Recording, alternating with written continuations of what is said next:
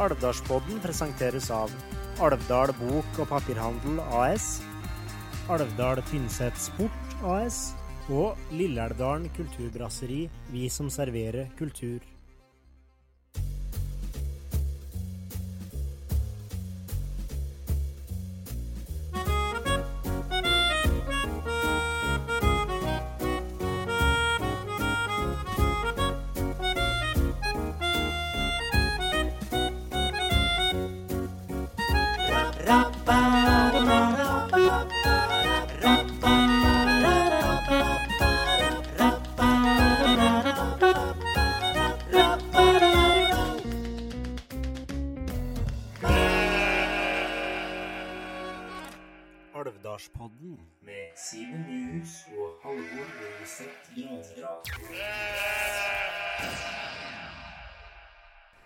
Hei og hjertelig velkommen til den andre episoden av Alvdalspodden. Jaggu ble det en episode til. Det ble det. Eh, takk for sist, forresten. I like måte. Eh, mye artige tilbakemeldinger. Eller gode Artige, da, men gode tilbakemeldinger. Veldig. Jeg er inne på Soundcloud der nå, så ser jeg det at uh, det er 464 som har hørt podden. Og det er jaggu meg bra. Det er knallbra til første episode. Vi kan jo si det i starten vår at uh, for dere som slet litt forrige gang eh, og ikke har fått med dere, så lønner det seg nok å laste ned den Soundcloud-appen. Ja. Så dere ikke hakker og sånne ting. Så da må jeg bare beklage deg, farfar, du som ikke har smarttelefon, at uh, Nadoro-telefonen din kjører nok ikke den appen. Nei. Ja, veldig mye trivelige tilbakemeldinger, ja. Og det gjør jo at vi får lyst til å fortsette med dette. Ja, vi har vel egentlig snakka om å kanskje ha lyst til å kjøre litt oftere, vet ikke. Vi får se litt. Ja. Men vi har jo fått litt vann på mølla. Nå sitter vi med den andre episoden, og så har vi jo vært så heldige at vi ble, ble spurt om å få være med på Livestock og ha en livepod der. blir spennende, altså. Det må jeg bare si. Eh, sitte live foran et publikum og snakke. Det er bra vi har fått med oss noen gode gjester. Ja. Uten å avsløre der, da, enda kanskje. Vel? Vi kan vel si så mye at eh, gjesten er en som er glad i å pine folk. Ja, det kan vi si. Ja, veldig glad i det. Han er en sadist, han gutten der, altså. Det er tydelig. Rett og slett. Ja, Simen, du har jo gått ut i ferie, du. Har Ja. det? Jo, eller det er vel viktig å poengtere at det er avspasering, da. Ja. nei, eh, du, har ferie, Halvor. Jeg har det. Det er egentlig ganske godt. Eh, litt lang kan det kanskje være. Høres veldig dumt ut å si, men uh, nesten så du kan uh, bli rastløs etter hvert, faktisk. Har du noen sånne faste ritualer du må gjøre i løpet av sommeren? Må jo på Sæterland-tur, da. Ja. Der er det alltids nok å drive med. Og så har det blitt et fast ritual å male et eller annet hus på gården. Mm. Så vi er jo i gang faktisk malt dette allerede, så det kan hende det blir flere i år. Ja. Ellers er det ikke noe sånn eh, Vi må jo til Toten en tur, da, sjølsagt, og besøke svigers. Ellers er det ikke så mye faste ritualer, egentlig. Nei. Men du, ja? Ferie du med? Ja, når øh, folket hører denne, så har jeg hatt ferie ei uke. Og da har jeg forhåpentligvis hatt litt finvær og gjort mye spennende. Kjøpt meg kajakk her om dagen, så jeg planer om å utforske litt elver og sjøer i nærområdet. Så det gleder jeg meg til. Ja, du er jo en ivrig laugar òg, du. Ja, jeg er det. Så jeg håper på at det blir såpass vær at øh, det er behagelig å bade, da. Selv om Ja. jeg bader nå stort sett i det vannet som er. Du slo jo et slag for uh, Høykletten uh, sist, du, der du går opp Eiemokoia der, og så bak der ligger Storbekkjønna, tror jeg het det. Ja, stemmer. Vi var der med niendetrinn uh, nå på tampen. Ja. Knallfint, så det må jeg bare slenge meg på og anbefale, sånn som du gjorde sist, altså. Var det kaldt, eller? Ja, varmt var det ikke, men eh, så å se alle var uti, faktisk. Temperatur rundt Skal jeg si tolv, da? Men det er lenge, det begynner å bli et par uker siden, dette noe, da. Ja. Nei, jeg prøvde meg oppe i Lerdiket. der er det noe godt og varmt. Og så har jeg vært på Svartkjønna, på Tynset. da, Det er jo Tynset, så det blir jo ikke like fint som det blir her, sjølsagt. Og så har jeg vært oppe i Ømafalla, og det blir også på Tynset-sida, så nå Det her er dårlig Alvdalsreklame, egentlig. Ja, dette var Nei, dette var ikke bra. Nei. Eh, når det er sagt, da, så eh, har jeg jo sett at Opplev Alvdal har fått noen digitale verter Ja. eh, i år av Gina Ricarda Langodden og Marte Thoresen. Og der hadde de lagt ut noe om noen badeplasser, så jeg. Ja, det så jeg òg. Det var blant annet Sognan, vet du, det er jo populært. Sognan, og så var det vel Gamlebruhulet, eller Hestespranget. Ja. Og så var det Hva var den siste plassen, da? Jo, det var av Storfossen. Jo, det var Storfossen, ja. Der var jeg jaggu. Der har jeg ikke badet, men det jo, Hvis den legger seg på buken, så blir den vel bløt da òg. Gjør nok det. Og så har det vært eh, en eh, Den badeanlegget i Gåsøyene, oppe med Kattemoen. Ja. Jeg var der med familien om fredagen. Der har det blitt vanskelige, til og med. Det er Det er ikke det. dårlig på Alvdal, altså. Det er rene badelandet der nå. Det er det. Men det var heller ikke varmt der, da. Plakattavla. Isfiskekonkurranse på Kjemsjøen. Svømming for raumatikere i bassenget på Stein. Symøte opp med Engenund. Åtte små lamsunger Espol på tenting. Plakattavla. Ja, da er vi på eh, spalten Plakattavla. Da vil vi til oss en tur bort til den. Og eh, vi skal begynne med å prate litt om sommer- og høstprogrammet til Alvdal Turforening. Der står det mye interessant. Eh, De har noe som heter Ukas sti. Der kan du gå på en ny sti hver uke. Fra og med pinse til og med 27. juli. Stiene er skilta og merket, og materiell selges på Alvdal bok- og papirhandel ut oktober. Ja, og i samme hefte så står det da ti på topp, og det er for 39. gang i år, og da når du topp 390. Materiell der selges på Alvdal bok- og papirhandel fram til 12. oktober. Mhm. Så er det jo eh, noe som vi pratet om sist òg, Stolpejakten. Den åpna den 19. juni. Og det er jo Kan jo eh, si da at i fjor så var det 670 deltakere. Det er vanvittig mye, og tja Kan vel oppfordre til at det skal bli enda mer i år, da. Og så står det sjølsagt da i turist, eh, eller Turforeninga si brosjyre står det da om Bresjøseter òg, sjølsagt. Besøk fantastiske Bresjøseter turisthytte i Alvdal Vestfjell. Mat, overnatting, gourmetselskaper, drikke osv. Det er òg Bresjøfestivalen er òg i sommer er det Er det helga etter livestock? Jeg lurer på om det er helga etter Livestock. Ja. Det er utsolgt, ettersom jeg har skjønt. Ja, for det er vel bare 200 som får komme dit òg, sikkert. Ja. Ja. Sommer på livestock, apropos det. Der eh, i går, da, i snakkende stund, så var det at uh, nøren billetter. Så eh, hvis du ikke har skaffa deg billett, så får du fortere å bestille henne billetter til livestock. Det er jo maks 200 der òg i år. Eh, vi sitter jo og blar i av fine hefter til Turforeningen, men jo, kan jo òg anbefale folk sterkt å gå inn på hjemmesida til Turforeninga. Det er turforening.no.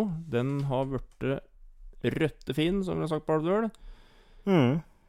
Så der står det mye reportasje om turer de har vært på, og, og forslag på ting du kan gjøre, da, som må stå i heftet. da. Absolutt. Jeg sitter og gløtter på en reportasje om eh, den nye Leonardo da Vinci-brua som ble åpna. Det er jo ei bort med Katmoen, og så ble det åpna ei ny ei nå bort med Skalvangen. Og det, folk vil ta seg en tur opp om dit i sommer. Du hører nå på Alvdalspodden. Alvdalspodden. Så har vi fått en mail her. Der står det Hei. Her kom litt stoff som hadde vært fint å fått kringkastet i neste podkast. I regi av Alvdal frivillighetssentral er vi i gang med å lage tilbud til alvdøler av begge kjønn, som vi har valgt å kalle Møtes med mening. Tanken bak dette er at vi skaper en sosial møteplass hvor praten over en god kaffekopp er viktig, men at vi i tillegg kan være en ressursbank for private, kommune, lag og foreninger som har behov for å få løst enkle arbeidsoppgaver. Oppdragene skal meldes inn til Alvdal frivillighetssentral med kontaktperson og telefonnummer. Vi vil innen kort tid gi tilbakemelding om det er et oppdrag vi kan løse eller ikke. Viktig å merke seg. Vi kan ikke ta på oss sesongjobber som plenklipping og snørydding. Oppdragene gjøres i utgangspunktet gratis, men hvis noen vil honorere jobben som gjøres, kan det innbetales til Frivillighetssentralen sin konto.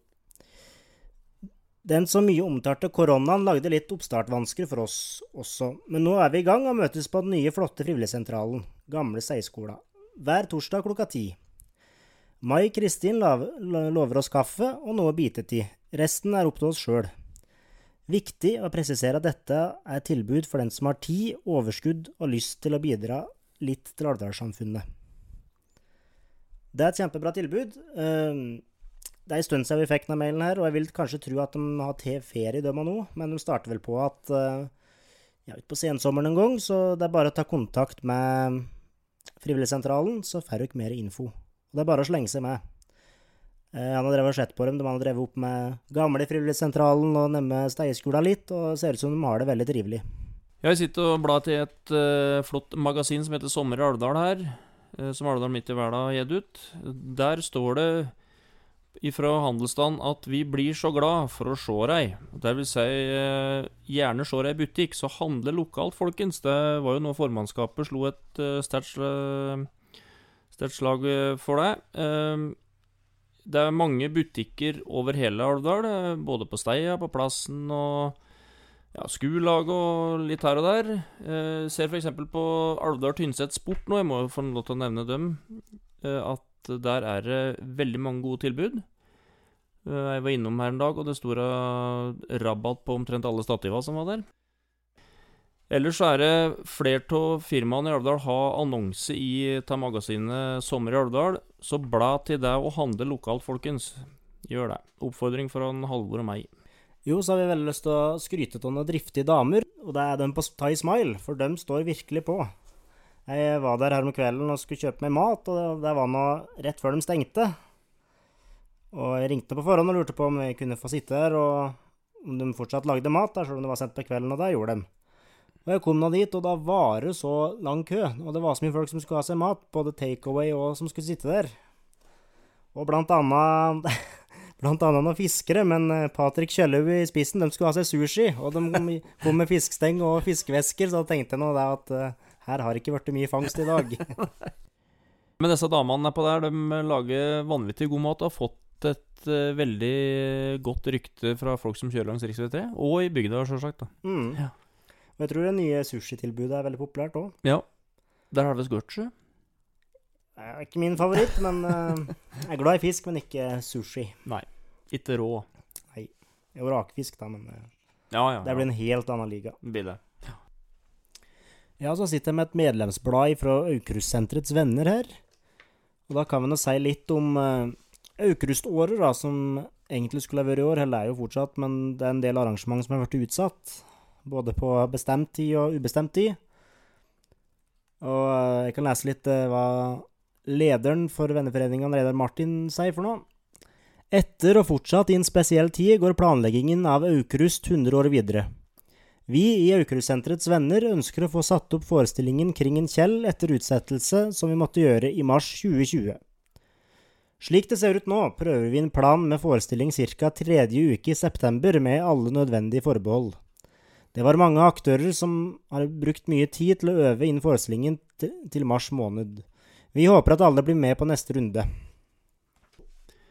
Ja, eh, huset Aukrust åpna da mandag 1.6, og det står da i et uh, skriv her at med støtte fra Kari og Kjell Aukrusts stiftelse, Fylkesmannen, fylkeskommunen, Alvdal kommune, Sparebankstiftelsen og i samarbeid med Kvisten animasjon settes det i disse dager opp en feiende flott ny utstilling i huset Aukrust. Vi ønsker at våre gjester skal få ta del i multikunstneren Kjell Aukrusts spinnville univers, og bli kjent ved flere sider av det enn det de kjenner fra film. Vi vil fortelle hele historien og sette tegninger, oppfinnelser, malerier, tekst og lyd i sammenheng. Det er jeg helt enig i at folk må få bli kjent med helheten i Aukrust sitt univers, og ikke bare filmene. Absolutt, absolutt. Men eh, nei, klart for, de, for oss yngre, eller for oss yngre, eh, passert 40, men jeg tror mange nok eh, forbinder Kjell Aukrust med Flåklypa-filmene. Mm. Spesielt den av første for vår generasjon, og så kanskje disse seneste filmene for dem som er yngre nå, da. Men det er mye, mye mer enn det. Absolutt. Altså Helt til slutt så må vi si litt om Husantunet òg. Det har åpent eh, hver fredag til søndag fra 12 til klokka 15. Fra og med den 3. juli til den 26. juli. Og det som foregår der, er at eh, det selges eh, vaffel og granola, drikke og is. Og så står det 'Hvorfor ikke ha piknik på Husantunet?' Og det syns jeg er et veldig godt forslag. Vi har vært der flere ganger med barnehagen nå, og virker som ungene og voksne trives veldig godt der. Og så skal det være noen konserter der, blant annet. Og den 5. juli Da skal en som heter Halvor, spille hem- hembøker og viser. Eh, Han skal spille og synge sjølskrevne viser, ja, og det er inngang kroner 50, med forbehold om oppholdsvær. Og søndagen etterpå, da skal eh, Olav Villeggen spille litt på fele og torader der. Da oppfordres nå folk til å komme og danse, og ta med seg dansesko. Inngang 50 der òg. Den siste konserten skal være, det er søndag 26. juli. Da skal Elin Trønnus synge folkeviser på tunet, og akkompagnert av gubben, da, Olav Lilleggen. Inngang kroner 150 der òg. Ikke 150, men 50. 50. Og i forbindelse med Aukrustjubileet så er det noe som heter Hvor er Gurin? Og i sommer har Gurin med rævrumpa flytta inn på Husandtunet. Han er en rotekopp som glemmer at ting overalt. Kan du finne tinga hans, og finner du Gurin? Og med det så tror jeg vi lukker spalten Plakattavla for denne gang. Da, Simen, skal vi over på en annen spalte, og det er en spalte som heter Dagens hyllest.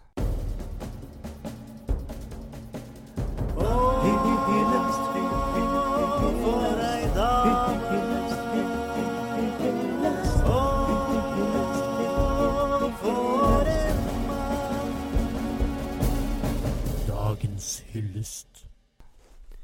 Ja, vi har fått uh, en hyllest innsendt av uh, kanonfotograf Randulf Småfiks her, og det passer jo bra. For hyllesten er nemlig av en vi alle kjenner godt i Alvdal, og det er en Rune Skogheim. En Randulf skriver her at Rune han jobber i TFF og er hovedverneombud i kommunen, og han er med i brannvesenet, og han det som han egentlig hylles mest for, tror jeg, Ton Randulf, det er at han har gjort en helt fantastisk jobb på Kappemoen. Oppå der har det blitt så flott med både det ene og det andre. En Rune ekstremt kreativ, står det, og er ikke redd for å sette i gang egne prosjekter, eller prosjekter igjennom jobben. I tillegg til dette så har han brukt mye tid på streaming under korona, både av konserter og ikke minst 17. mai. Det har vært en veldig fin sak. Og til slutt eh, så skriver en Randulf her at maken til jovial kar skal han lete lenge etter. Og helt ærlig, Halvor, så har jeg noen ganger spurt meg sjøl åssen i all verden han får tid til alt Rune. Ja, det har jeg lurt på. Som regel når jeg treffer han, så kommer han bort til og 'Halvor, jeg har en ny idé. Dette må vi få gjennomført'.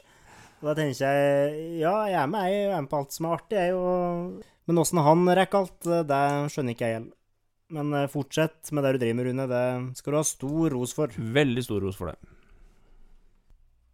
Det var en veldig fin hyllest til Randolf eh, Småfiks, og da vil vi oppfordre dere andre også til å sende inn hyllester til oss. Av hyllester til folk som uh, dere syns burde bli litt ekstra framsnakka i bygda.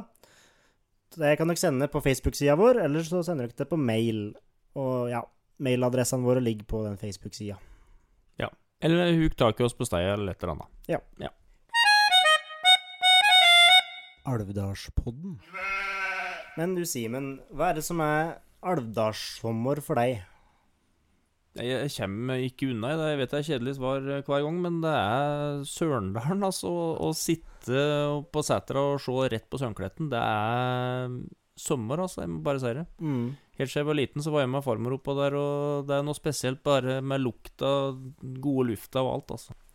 Ja, og vi har vært på steia. Vi har hørt hva dere andre alvdøler syns er spesielt med alvdalssommeren. Alvdalsson for meg det er å være på hytta og fiske. Hvor er du hytta med? Kvebergsvann. Nei, altså Det må jo være fint vær, da. Ja. Og i fjellet. Hvis det er såpass at en kan bade i Alvdal, da er det i hvert fall sommer. Vil jeg nå si. Uteliv, fint vær. Ha det. Ingen faste turmål. Du må Nei, jeg har ingen faste. Jeg går tid på topp. Ja. Hva gjør jeg? Så er det ålreit å ha fint vær til det. Det er å være på setra, bade på sommeren. mm. Masse mygg. Ja. Og lyse sommerkvelder, så du kan sitte ute lenge. ja. Det hørtes ut som en bra sommer, det. Alvdalssommer for meg? Ja.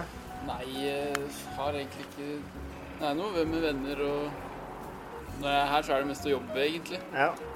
Det er vel egentlig det. Jobbe med venner. Du har ikke noe turmål du må opp om i løpet av sommeren? Nei. Jeg har egentlig ikke hatt noen tradisjon for det. Nei. Vi har ei hytte òg som vi prøver mest på på sommeren, som er på Tynset, da.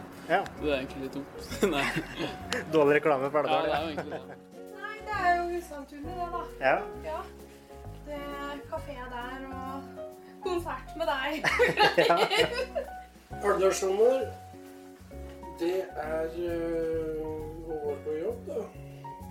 Mye til sommeren. Og så øh, blir det ordentlig sommer når det er så varmt at den kan øh, Når det har vært så varmt i stund at du går ut i shorts uten å tenke deg om om morgenen, da er det sommer. Med andre ord ganske sjelden. Sommer for meg? Jo, det er å ha dyrene våre inn, på, inn i dørbekken, Alvdal Vestfjell. Og sjølsagt eh, solskinnsdager. Og bare blide folk og fornøyde firbente dyrene der. Det er sommer. Ja, men det var mange gode beskrivende ord, av Alvdalssømmeren. Da skal vi over på dagens høydepunkt, og det er dagens gjest. Og dagens gjest er en eh, kar som er en ivrig fisker, en ivrig jeger. Han er et skikkelig konkurransemenneske. Han er ryddig, og han har vært en av landets aller, aller beste skiskyttere de siste fem åra. Ta en lytt på dette her.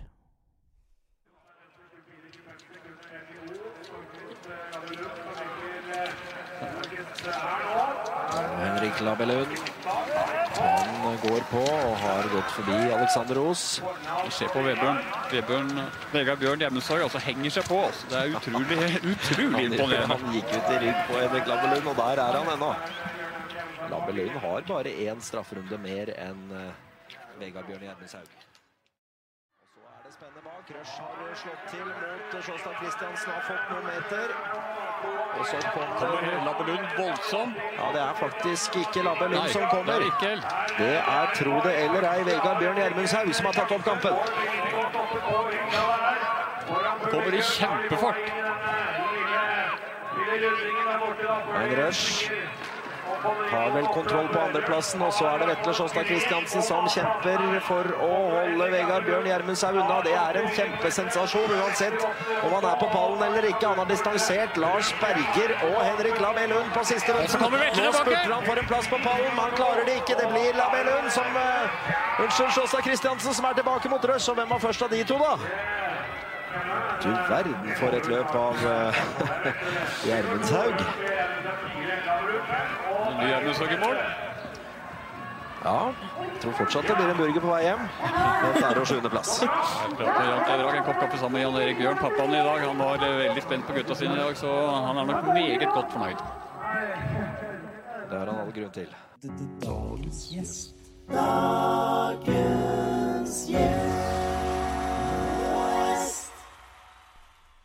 Ja, Vegard, hjertelig velkommen til oss i Alvdalspodden. Takk for det. Du ser deg godt ut. Ja, i like måte. Det var voldsomt. Ja. Ja, Åssen er pensjonisttilværelsen?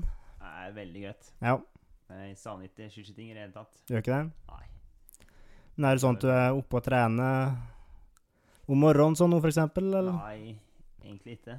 kutte ut alle rutiner som du hadde? Ja. Sprunget to hardøkter siden februar, da, tror jeg. Har liksom ikke ørka ut og rørt på meg heller. Nei.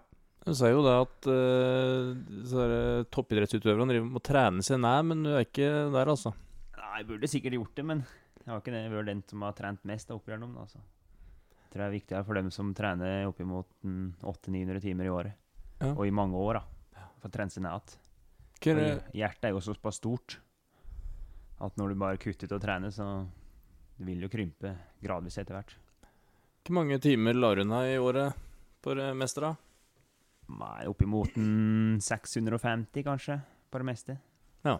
Så det er ikke all verden til mengder, nei. Nei, altså For meg høres det noe mye ut, da, men eh, Ja, kontra mange, mange andre, så er det jo ganske langt unna, ja. ja. Men var det fordi at kroppen din responderte bra på sånn type trening, eller var det Ja, egentlig det. Ja. Jeg, jeg følte liksom ikke jeg trengte å trene så mye. Hvis jeg trente for mye, så ble jeg bare død og seig. Ja. Og ja, jeg tror jeg er forholdsvis lettrent, da. Det tror jeg alle i familien er. Så så ikke poenget med å nitrene hvis en ikke måtte. Nei. Men det har alltid vært eh, lystbetont trening? Ja, det har egentlig det òg. Ja. Sjøl om uh, noen ganger så har vi jo blitt styrt til å måtte trene slik og slik. Ja. Så det er jo Det er jo litt dumt, da. At en ikke får trent det en vil. Styrt ifra Fra trener og sånn, ja. Ja. Det har aldri vært noe press fra familie om å Om å ut og trene? Nei. Nei. Nei, det er absolutt ikke. Så hvis du heller ville ligge på sofaen med en potetgullpose, så Ja, man får ikke høre, da. Kanskje må ut og ta seg en skitur. Regner med Jan Erik sa ifra da. ja, han sa alt det ikke bra. Å nei, nei, akkurat. Det er helst mutter'n. Ja. Nei, for du kommer jo fra en uh, idrettsfamilie, eh, Vegard. Både Anne Beritun, Anne Erik og Anne Marit og Jan Olav. Og det fikk jeg remse opp alle. Har jo drevet med idrett, og du heter jo både Bjørn og Gjermundshaug som etternavn, så det har aldri vært noe press på å drive med noe spesielt? Nei, jeg syns egentlig ikke det. Nei. Jeg har fått gjort som jeg ville hele tida. Altså. Det var en veldig fin oppvekst sånn sett. Ja. Hvorfor eh, ble det skiskyting, liksom, da? Nei, det ble nok på grunn av både Jan Olav og Anne Marit begynte med det. Ja. Så ble jeg liksom bare drevet meg på det. Men prøvde jo mange andre idretter òg, de fleste andre idretter òg. Men det var liksom skiskytinga som var artig, da, syns jeg. Ja. Langrenn eh, var liksom ikke så artig. Bare gå. Nei, for du var jo Du er jo, var jo knallhard i sporet. Ja, men det var liksom ikke Det var liksom skytinga som var artig, da. det- Kombinasjonen av begge deler. Ja. Så fikk jeg gjort det. Men eh, ja, det var jo greit å gå langrenn òg, men eh, ikke like artig som skiskyting, nei. Prøvde jo på hopp og litt kombinert og sånn, men eh, det var lite, ja. Hoppa mest på langrennsski Ja. på jordet. Men det var liksom vinteridrett som var Ja. greia? Ja. Ja. Fotball ble liksom litt for kjedelig for min del. Akkurat. Sprang bare rundt og følte en ikke fikk gjort noe med bølen, så. Ja. Men jeg tror jo det, Vegard, at uh, du kunne jo ha vært god i hvilken som helst idrett som du ville, for at du var jo eh, veldig allsidig, husker jeg, som ung, og tok ting veldig lett. Eh, Om det så var fotball, eller om det var ja, Husker vi drev med spydkast, og det var noe du som kasta lengst der òg, liksom. Og ja, i gymtimene, når vi hadde eh, friidrett, så var det, det var alltid du som eh, satte standarden, og så kom vi andre luntan etter. Ja, det tror jeg er litt å si at den har vært allsidig i alle år. da. Ja. Fra han var liten, så var det liksom aktivitet hele tida. Bruke kroppen, og da får en jo god kroppsbeherskelse. Mm. Husker jeg var jo ute Før jeg begynte på skolen, så var jeg ute om morgenen og hoppa på låvebrua. Mens eh, brutter'n og Hanne-Marit drev og kledde på seg og gjorde seg klart til skolen. Ja. Så hoppa jeg en time eller to, og så er jeg inne og spiser frokost. Når de reiste på skolen. da. Det virker som det alltid har vært my veldig mye lek i treninga. Mm. At liksom det har vært det viktigste hele tida. Mm. Jeg følte egentlig var lek fram til jeg var en sånn 17-18 år, kanskje. Da Da begynte det å bli litt mer alvorlig. Mm. Begynte å satse litt mer ordentlig. da. Ja. Og de var jo mest seriøs når han begynte å Ja, når jeg ble ferdig med videregående, da ble det jo for fullt. Ja. Men tro, tror du at du har Hva skal jeg si Hvis en tenker på det utstyrspresset da, som det er mye prat om i dag, med at eh, du skal ha så og så stor skipark og sånne ting Hvordan følte du at du hadde et fortrinn der i forhold til andre, i og med at du hadde en far som var ja, langrennsmører? Eh, jeg fikk jo det utstyret jeg trengte, men de tok jo over ski til brytteren og- i starten, da. Ja. Og det gikk jo noen par ski i året. Knakk jo en del ski og staver, og da gikk det jo en del utstyr, så jeg tror det var greit at en eh, fikk tak i billig utstyr, ja.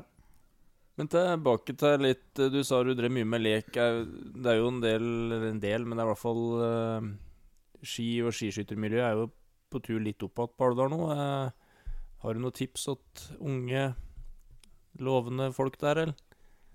I forhold til trening og sånt? Det er bare ute og leke, egentlig. Ha det artig. Må ikke ta det så alvorlig da, i starten. Før du er en ja, rundt en 20 år, kanskje. Mm.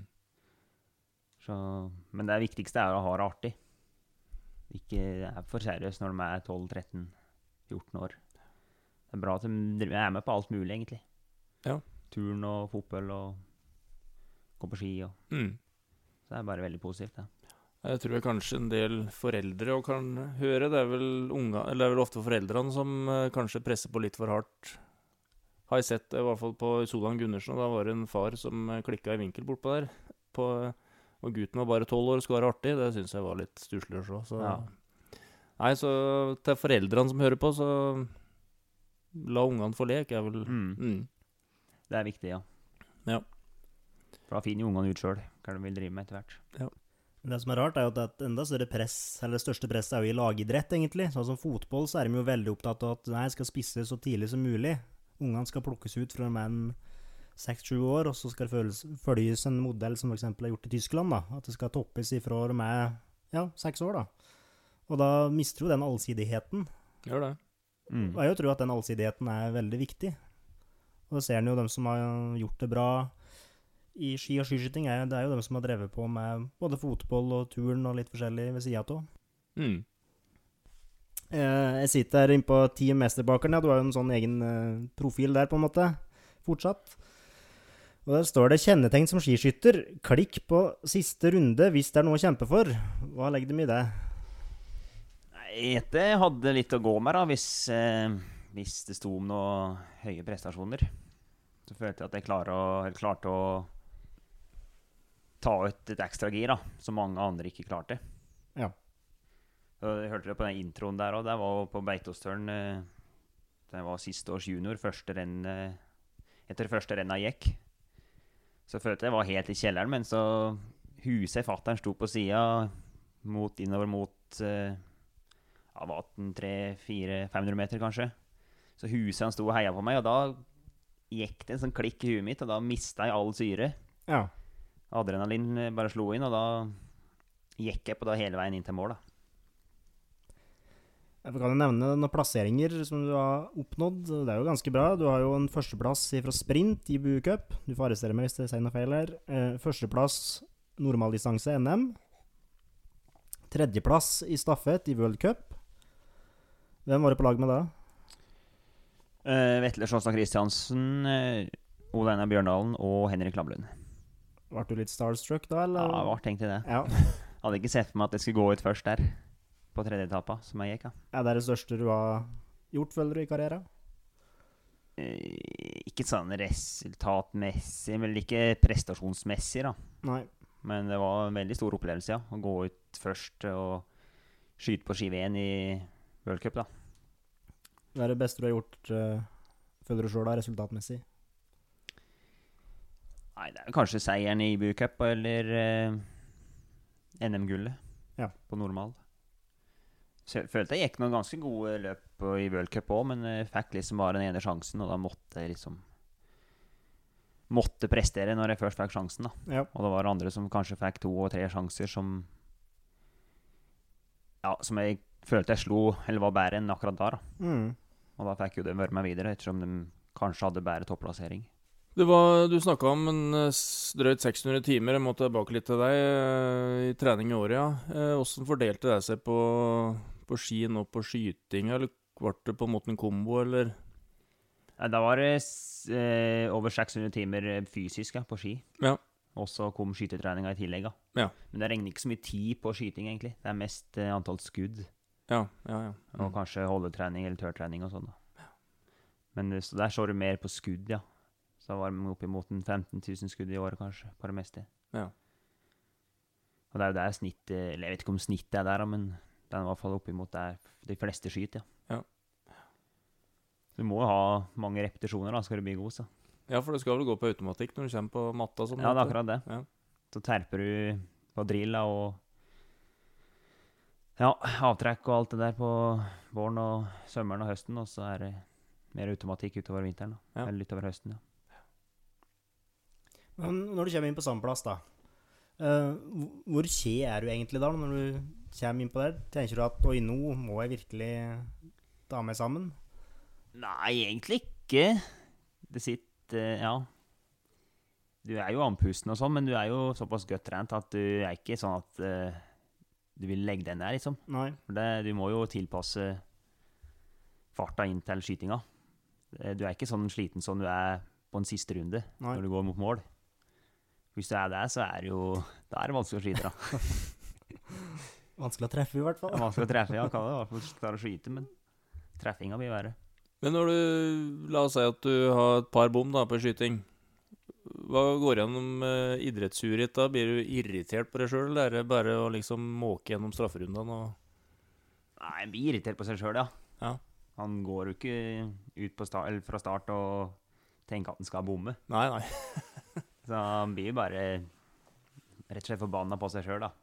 Men det er, jo, det er jo seg sjøl å takke, bare. så. Bare gjør en bedre jobb neste gang. Ja. Men det blir jo som regel noe bom da, altså.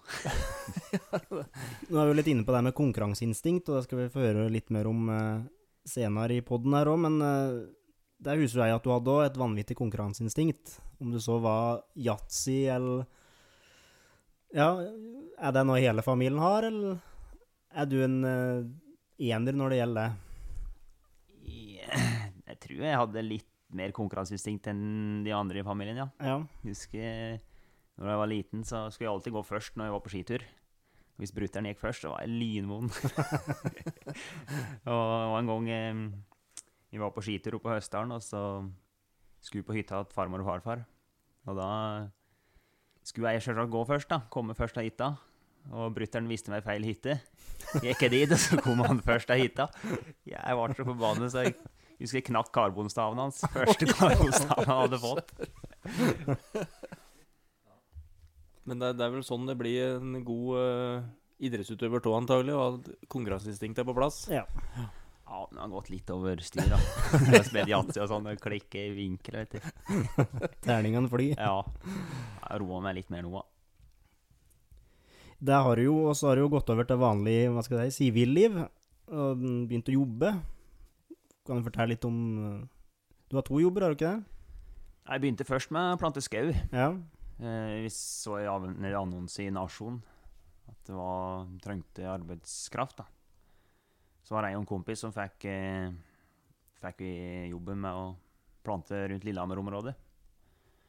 Men så var det så kjedelig at det gadd jeg ikke å drive videre inn og lenge med. Nei, for dette var jo en artikkel om Alvdal midt i verden for Det er ikke lenger siden, det. Nei. Nei. Nei, jeg tror jeg aldri har fått så mye mediedekning som når jeg begynte å plante skau. Ja. P1 var jo på besøk, og GD var på besøk, og TV 2 var jo inn på innslag om og Ja. Men uh, nei, kompisen han pratet om det var en Vetle Sjåstad Christiansen, var det det? Nei, det er Emil Nyeng. Emil Nyeng var det, ja. Mm. Men han har over eh, Han var vært aktiv, ja. ja. Ja, vi var på lag eh, Han var egentlig vært langrennsløper, han. Så Ja. bytta han over til skiskyting de siste to åra han satser. Ja. Så var jeg på lag med han siste året mitt, da. Og siste året hans òg. Så jeg kjente han egentlig ikke noe før det. Nei. Men dere tok ikke lage litt konkurranse ut av det, da, for å gjøre, gjøre det litt mer spennende? Eh, Nei, vi, det var så vi delte antall planter på to uansett, da. Ja, ja. Så ja. Tilfellene ene ikke var med en dag, så det for dumt at den ene skulle plante mer enn den andre. Ja. Gamlekarene drev jo skauen og høgde ned tre, og dere uh, planter dem opp igjen. Ja. Bære høggene, høggene, eller bære trening og hogge ned enn å plante opp igjen. Ja. Men du har tatt over uh, geskjeften hos bror din, har du det? Ja, stemmer det. Syns at det er jo litt artigere å prøve, så. Børsemaker? Jeg lager Ja, skjeftene. Skjeftemaker, vil jeg si. ja. Ja. Retter, retter navn, der, ja. Er det noe du har drevet med litt hele tida, eller? er Nei, egentlig ikke. Jeg har bare vært med han uh, noen ganger, da. Når det passer seg, når jeg driver og satser. Bare hjelpe han til litt uh, sånn småtteri og sånn. Ja. Så dukka muligheten opp, da. Han skulle gi seg med det, og markedet er jo der. Og utstyret og alt er jo der, så Mm. artig jeg ville prøve litt, da. Var det mange bestillinger, da? Jeg har fått inn ti bestillinger nå, og lagd ferdig to, og to ferdig til i dag. Ja. Lang tid bruker du på et skjefte da? Jeg har eh, klart å lage to i uka. Jo, såpass, ja. Men da blir det jo litt lange dager, da. Ja. I hvert fall nå når jeg ikke er så dreven på det ennå. Mm. Det jo litt tid. Men jeg håper å lage den to-tre i uka, ja. Ja. Da blir det jo bra, det. Og da er det bestillinger fra hele verden? Nei, mest bare i Norge, ja. Oh, ja. Enn så lenge. Ingen konkurrenter som Nei, jeg har ikke, ikke hørt om den ennå, nei. Det er bra der, altså. Brutter'n lagde jo den til en utlendinger, da. Ja. Det er bra nordmennene kan få en fortrinn for seg sjøl. Ja. Mm. Dere kjenner jo mye folk også, det er sikkert i, i miljøet, liksom. Ja, ja. Det, du kommer jo i kontakt med jæklig mange, da. Ja. Når du driver på, så. Mm. Det er viktig å ta vare på de kontaktene, egentlig. Ja, klart det. Hadde du gødd å dreve på i så mange år med idrett hvis det ikke hadde vært for det sosiale, da? For jeg vil jo tro det er jo en del sosialt òg utenom treninger og løp. Eh, Ja, det er mye sosialt på samlinger og sånn, ja. Ja. Det er jo. Men det er jo en individuell idrett, da, så trener jo mye sjøl. Ja. Men det er jo det sosiale på samlinger og sånn en huset jeg har gode minner fra, da. Ja. Når du har lagt opp. Mm. Men eh, når du har lagt opp noe, ja, så Da må du jo finne på noe annet enn å drive og trene hele tida. Hva er Jeg har en mistanke om hva hovedinteressen din er, da, men eh, er, har du noen hobbyer sånn utafor På si at du er skjeftemakerfaget, f.eks.? Ja, Jakt og fiske, da. Friluftsliv. Være ute på turer og Ellers er det ikke så mye, mye annet, egentlig. Nei. Treffe kompiser, da. Men de fleste kompisene mine driver jo med ski enda, altså. Ja. Det er vanskelig å I hvert fall nå i den koronatida, da, så er det vanskelig å treffe folk. Og vi er jo Vi har jo egentlig levd som et koronaliv òg. Ja. Når en ser på det i ettertida. Du treffer jo veldig lite folk når du går på ski. Ja. Og det er jo Sånn som situasjonen er nå, så treffer du ikke folk nå heller. Av korona. Ja. Ja. Men du snakka om at du skulle over og besøke søster di. Mm, I august, ja. Ja. Og der er det jakt som står på programmet? Ja. Ja. Jakt og fiske. Ja. Så lenge jeg kommer over, da. Ja. Kan hende du blir barnevakt òg. Ja, blir sikkert litt barnevakt òg. Ja. Det er greit. Uh, må jobbe litt for å få bo der. Men du har jo sikkert fått sett en del fine plasser òg, da? Ja, fine og fine. Eller har det blitt mest hotellrom og er mye hotellrom, ja. Mye Mange av de plassene vi er på, er jo veldig små. Ja. Jeg hadde aldri kommet til å hørt om dem hvis en ikke hadde gått på ski, nei. Nei. Så det er ikke noe, det ikke noe plasser du gjenstår å oppsøke? Ja, jeg kommer ikke til å reise på turist? ferie dit, nei. Nei. Så absolutt ikke. Det er mye stusslige plasser. Spesielt når jeg er i Øst-Europa. Ja. Der er det mye grått og stusslig. Ja. Fattigdom, eller er det bare Nei, jeg vet ikke det. det jeg ser ikke noe av det, men det er bare at det er stusslig, rett og slett. Ja. Det ligger noen, noen daler, da, som regel. Jeg spør meg. Jeg spør meg. Spørsmåla du lurte på. Ja, vi har eh, Denne gangen her har vi faktisk fått eh, noen spørsmål innsendt av noen lyttere. Eh, vi kan vel kalle lytteren eh, Olram Slåpen eller noe. Så han har stilt et spørsmål, eller flere faktisk, men et spørsmål er Hvilken standardøkt anbefaler du for ski- eller skiskytterungdom i junioralder? Barmark og eller vintersesong, står det. Ja, tenker de på rolig trening, eller hardt, eller bare som Nei, Nei, gjennomføre en det- gang i uka? Det er vanskelig å si, da, men Du svarte jo litt på det, for det s- det spør her eh, hvilken treningsfilosofi du står for i alderen. Du snakka jo mye om lek og moro og sånn, da, men Eh, Nei, ikke Helst ikke dra ut øktene for lenge, da. I hvert fall når du er så ung. Du kan trene opp imot en halv annen time, kanskje. Hvis du er på rulleski, så kjører du noe hurtighetsdrag innimellom. Eller eh, kjøre hardøkt, så kan du kjøre fem ganger fire minutter, eller noe sånt. Fem drag på fire minutter. Seks drag på fire minutter. Bare så ikke blir for lange drag heller. For blir det for lange drag, så klarer du ikke å springe fort, og da blir du bare sånn seig. Det er jo ikke der du er ute etter når du skal gå, på ski. gå fort på ski, da. Nei. Men når du uh, Hardøkt hører du ofte om i uh, toppidrettsverden med det hardøkt. Eh, hva er typisk hardøkt da? for deg på La oss se på barmark først, da, eller sommeren? Nei, i, I siste året så kjørte jeg en del som kan kalles I3. Som terskel, litt lavere enn terskel, egentlig. da. For å bli sterkere teknisk og slik. Da Og da var det kanskje oppimot en time dragtid til sammen. Ja. Seks drag på ti minutter, eller fire drag på 15 minutter, eller noe sånt. Mens eh, Ja Seks ganger åtte minutter har vi kjørt. Sånn, men det er litt hardere enn I3 igjen, da. I4. Ja. Ja. På vinteren, da, der eh, Åssen er det da? Ja, det er litt mer kortere drag, egentlig. Ja. Sånn fem ganger fem minutter. Litt mer sånn fartslek. Ja. For å få litt mer fart i kroppen. Og da kanskje vi kjører Fine økter er å kjøre 30-15 på løpemølle. Da du kjører 30 sekunder Eh, Innsats, ja, og 15 sekunder pause. På høy belastning, ja. Det hørtes kjett ut, Alvor. Jeg gjorde det. ja det syns jeg var de artigste økta nå, for da fikk du pusha farten litt, egentlig. Ja. I stedet for at du går i åtte-ni minutter hele runder, da. Så blir du Du prøver, trener på overfart, egentlig, og da går du litt fortere i konkurranse òg. Akkurat. Ja, gode tips. Mm. Men har du alltid gleda deg til å liksom stå opp og trene, eller har du Ja, jeg gjorde egentlig det. hele, hele siste året òg, liksom? Nei, ikke siste åra, nei. Nei. Da følte jeg at det ble litt tyngre, og spesielt når jeg ikke fikk trene som jeg ville sjøl. Ja. Det gikk hardt utover motivasjonen. Når du ble presset ut til å kjøre i hardøkta når du var sliten. Det, det var rett og slett kjedelig å ut og trene da. Ja. For du var under et team som het Team Mesterbakeren, var det det? Ja, der fikk jeg jo styre veldig sjøl. Der fikk du styre selv, ja. ja. Men det var siste året på landslaget at det ble liksom Det var et opplegg vi måtte før, da. Ja. Så jeg syns at det liksom ødela litt, da. Fikk liksom ikke gnisten tilbake etter det. Nei. Da ble liksom All trening ble liksom kjett og følte jeg hadde liksom oppi harsen, da. Mm. Spesielt intervalløkter og sånn. Var liksom ikke noe glede av å gå ut og prøve å bli bedre. Det er jo litt dumt. Ja, det er veldig dumt. Sånn Ja. sett i ettertid så burde jo vært mye hardere på skulle tre vil trene det en har trua på.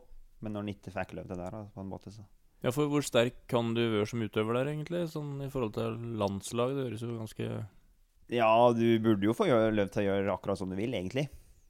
Bortsett, når du er på samlinger, da, så skjønner jeg at du skal liksom trene samme som den andre i gruppa. Men hvis du ikke føler deg pigg da, og ikke har trua på det opplegget som vi satte opp, så hvorfor skal du da gjøre det? Ja, nettopp. Det går utover motivasjon, og da blir det jo kjedelig. Ja. Så det må jo være artig òg. Ja. Sjøl når det er nærmere 30, så skal det jo være artig. Tror du det er grunnen til at det er såpass mange som trekker seg fra landslag og starter egne privatlag og sånn? At det er Nei, det er vel mye økonomi der òg, tenker jeg. Ja. Du står mye mer fritt da når du ikke er på noe landslag. Mm. Med tanke på sponsorer og ja, Ja. sponsoroppdrag og sånn. Vi har vel noen flere spørsmål? Ja da. Det er jo både seriøse og i andre kategorien her, men uh, hvem er den søteste aktive kvinnelige skiskytteren? Spør vedkommende. Ja. Eh, nasjonalt eller internasjonalt der, da? Nei, vi kan vel ta Ta svar på begge, da. Både nasjonalt Oi, og oi, oi. internasjonalt. Problemet er at jeg kjenner ikke så mange nasjonale, vet du. Nei, men da har jeg vel sett på dem. Nei, jeg kommer ikke på noen navn. Nei, kommer ingen, nei. Ja, men vi har et spørsmål til her. Uh, kommer du til å slenge deg med på Team Alvdal ILs langløp Elite, står det, sine fellesøkter framover? Eller er du rett og slett for god for dem? Nei, definitivt ikke, ikke for god for dem, nei. Jeg har vært med på dem, eh, vært med på noen økter òg, ja. Men det er ikke så ofte jeg er hjemme, da, altså. Nei. Men når jeg er hjemme, så må jeg prøve å verte med, ja. Eller bli med. Ja. Forklar litt hva det er for noe for oss som er utenforstående. Den gruppa? Ja. Det er ja, ja, Nav-danka idrettsutøvere da, som har oppretta ei gruppe. Så når de er hjemme, så sender de meg melding om når de skal være med på rulleski eller springetur eller Jeg syns de er veldig ivrige til å sende ut meldinger og litt for ivrig for min del. Akkurat. Det er vel ikke akkurat avdanka duell? Nei, men det har liksom vært så lei til å, trene, så jeg orker liksom ikke å ut Når en først er hjemme, så vil en gjøre andre ting òg. Ja. Enn å ut og trene. Være med på quiz på Bjerkepuben, da, vet du. Ja, for eksempel. Mm. Og så Det er vel litt det samme blant de guttene her, da. Hvor god skiskytter kunne Tor Petter Stormund ha blitt? Jeg tror han kunne blitt veldig god, for han eh, var veldig mye sjuk. Da hadde han holdt seg frisk og fått uh, kontinuitet i treninga, så jeg tror jeg han kunne blitt veldig, veldig god. Ja. Mm. Jeg får stilles et tilleggsspørsmål her. Ble det for mye utenomsportslig fokus? Siste åra ble det kanskje det, ja. Han var uheldig i år. Han var jo veldig mye sjuk. Ja, ja. Hvis det var noe sykdom som kunne Som var her, ja, så fikk han den, for å si det sånn. Ja. Dessverre. Kan jo nevne at det er jo mange som har gjort det veldig bra innenfor langrenn og skiskyting fra generasjonen din eh, oppe i Dalom her. Ja. Både en Åsmund Kjølmoen og en Petter Husberg Usberg Bjørn, ja, han Tor Petter og en, han Tore Lern. Så det er jo, det er jo godt gromiljø. Og så er det jo noen jenter på Kvikne som gjør det vanvittig bra, så Mm, jeg tror det er egentlig en av Norges beste kretser. Ja, det må det jo være. Mm. Det er jo en av de minste kretsene nå, så. Ja. Det er nok noen gode gener oppi her. Ja, det er nok det. Som har vandra. Vi må tilbake til søteste aktive kvinnelige skiskytteren. da. Jeg- Ja, vi må få svar litt på tid det. Vi må få svar på det, altså. Ta norsk, i, da.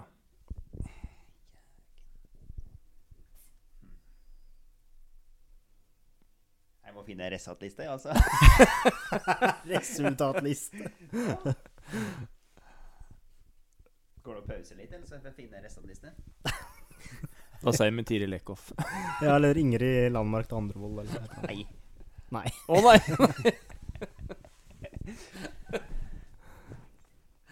Nei, du kan få tenke litt heller på det, da. Ja, jeg må tenke litt At det skulle være så vanskelig, det.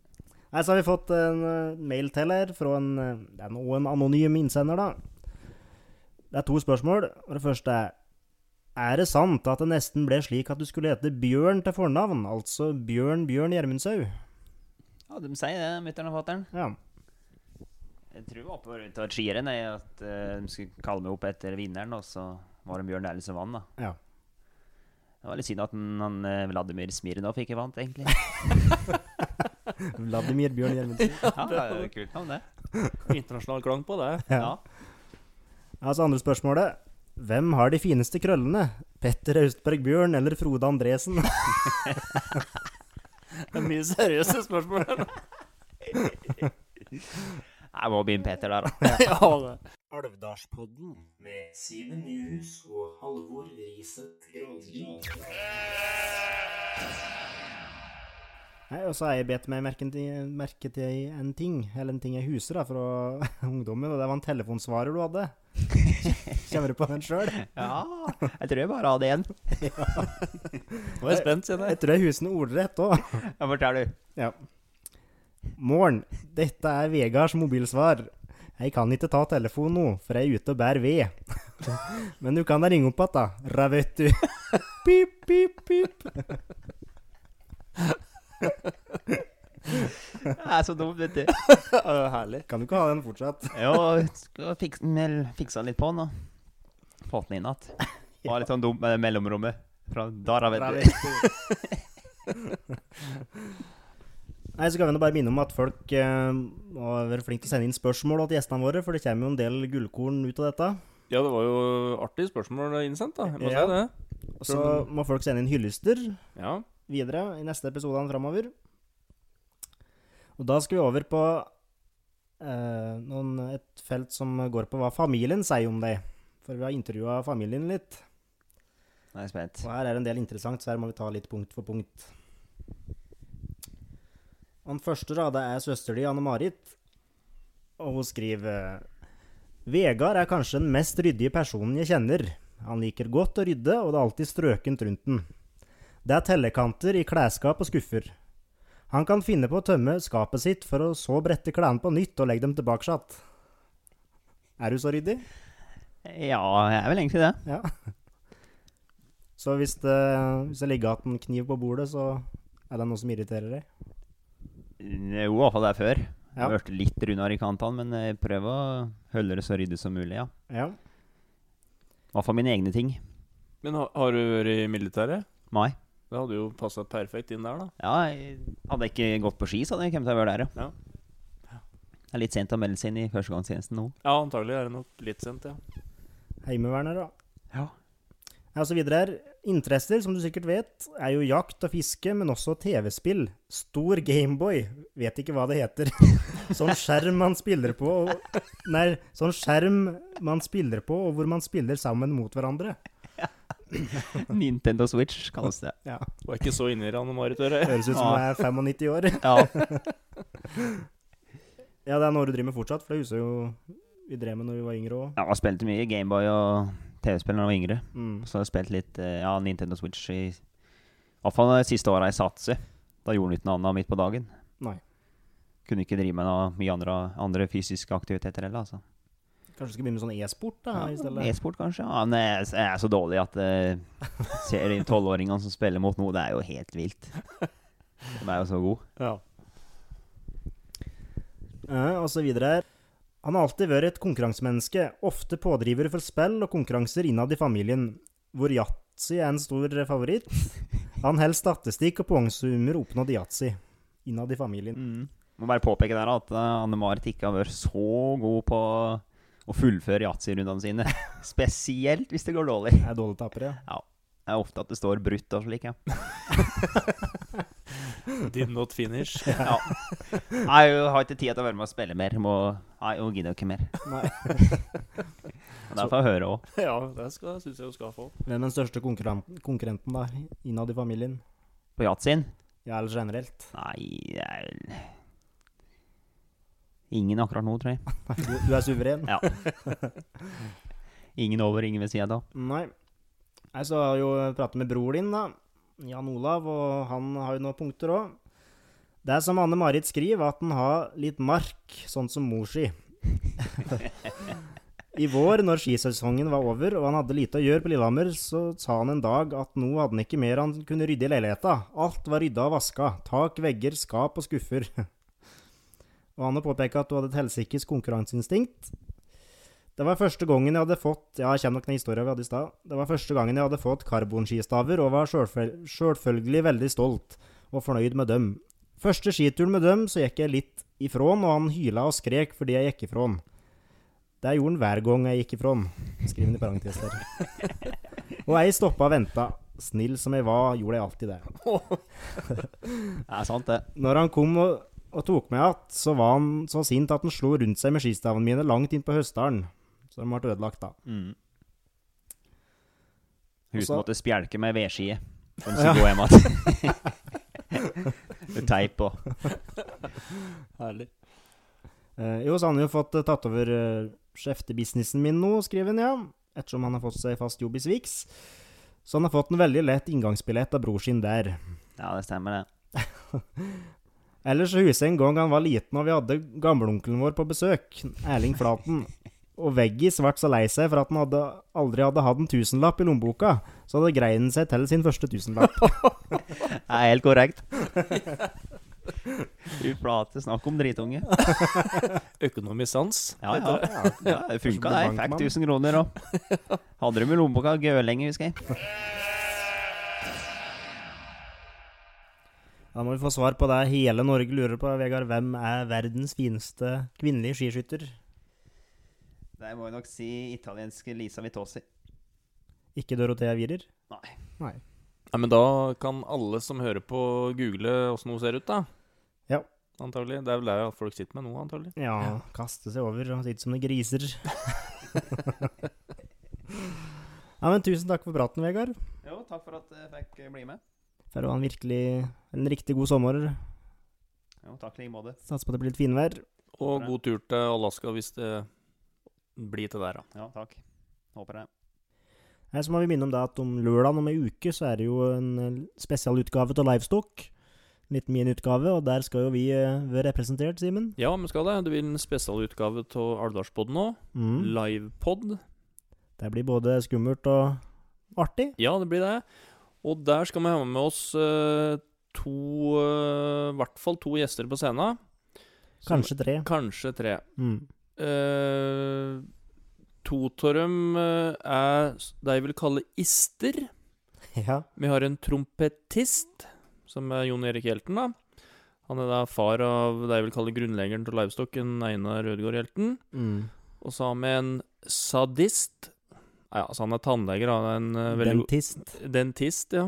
God eh, kompis av meg, en Oddbjørn Lutnes, som da er bror til Audun, da, som var, vel også en av grunnleggerne til Livestock. da. Det blir jo litt artig å høre deres perspektiver på festivalen og uh, hva skal jeg si, veien fram til hit. Ja, Jon Erik hadde visst en del gode historier, sa han til meg her, så jeg vet ikke, Einar, hvis du hører på, om du gruver deg for det eller ikke.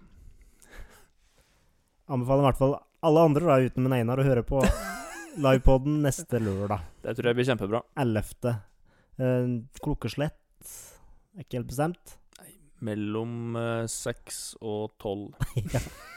Kan det bli sånn nachspiel-variant òg? Nei da. Da sier vi vel bare ha det. Hare. Fra Eidsvoll med frigjøringsverket, til Hamar med domkirkeruinene, frem til, til, til Elverum med klesfengselet, til Rena med kartongfabrikken, til Koppang med togbytte og 20 minutters opphold i restaurant. Til fingeren stanse på den ørvesle fluelorten som heter Alvdal. Som ikke har noen ting de vet om, kanskje. Men én ting vet de vi har. Elvdalsbotn med Simen og Halvor.